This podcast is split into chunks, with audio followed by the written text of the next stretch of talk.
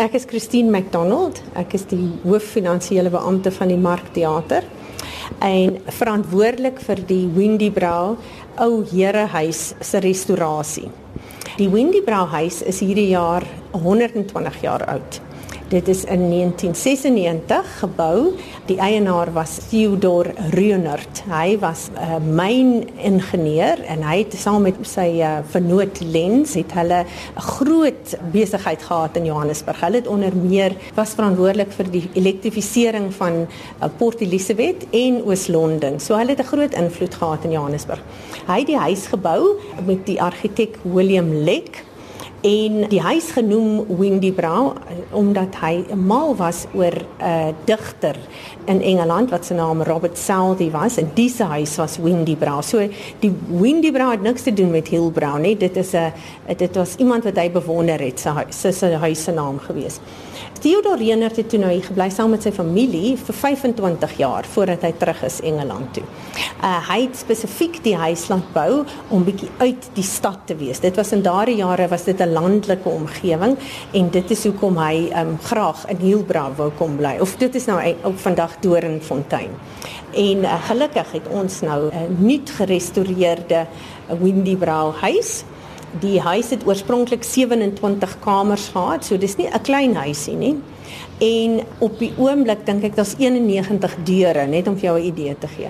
En wat ons nou gaan gebruik uh, as 'n sentrum waar ons repetisies gaan hou, waar ons heel moontlik kunsuitstallings sal doen waar ons enige uh, uh, funksie van enige aard na sal kyk of enige vergaderings besprekingsgroepe uh, wil ons nou graag uh, hê mense moet kom gebruik maak van ons huis. Vertel my oor die invloed wat hierdie spasie met die Heilbrau en Doringfontein omgewing gaan hê.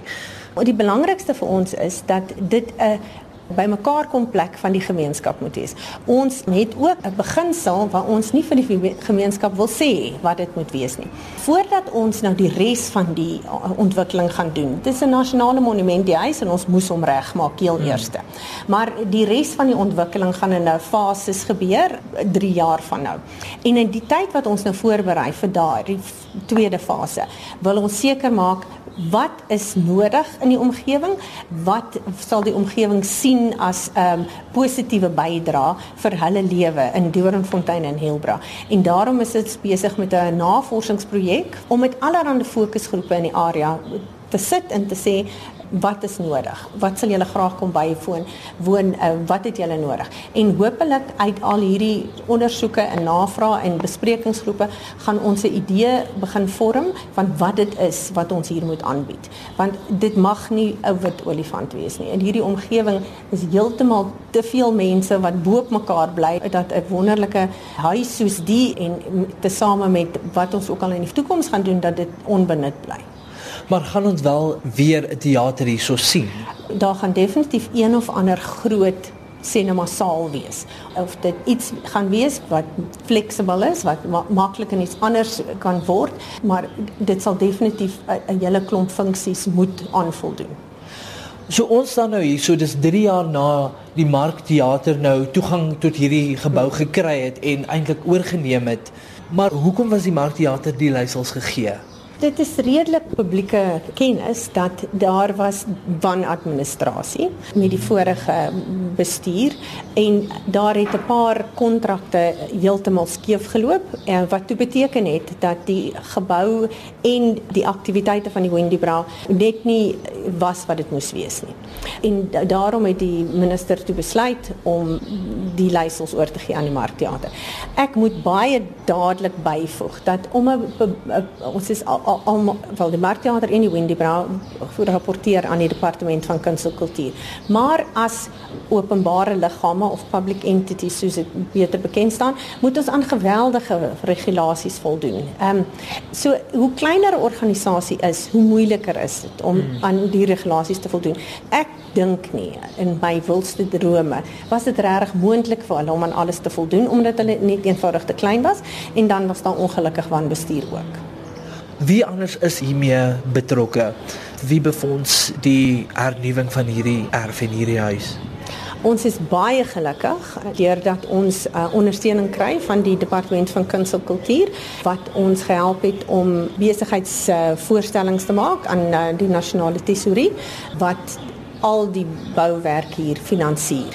Ons moet baie gedetailleerde begrotings uh, voorlê en ons moet elke 3 maande in detail verslag doen oor wat gebeur het en waar ons nou trek omdat dit uh, die belastingbetaler se geld is, maar ons is sonder die departement en nasionale tesourie sou dit regtig nie moontlik gewees het nie. Wat is die mikpunt vir die volgende 3 jare? Beide die Marktheater en die Wendy Bra as public entities kry befondsing jaarliks van die departement van kuns en kultuur. Tweedens is dit maar 'n deel van die fondse op allerlei maniere het mense een of ander belang by ons en op daai manier gaan die Marktheater al 40 jaar aan en dan dit sal maar dieselfde resep wees wat ons hier gaan volg.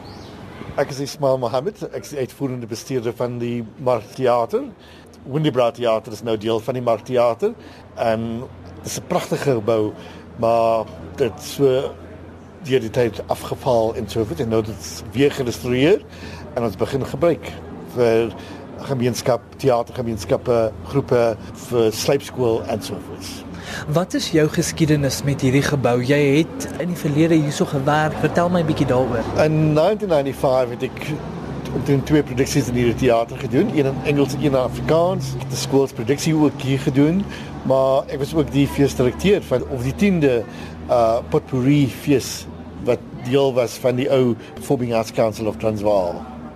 Hoe sien jy hierdie gebou veral oor die volgende 3 jare wanneer die projek nou uiteindelik klaar gaan wees? Hoe gaan wat hier aangaan verskil met wat al hier gebeur het of hoe gaan dit dieselfde bly? Vir ons is dit 'n baie belangrike plek in in Hillbrow en vir die gemeenskap wat rondom is.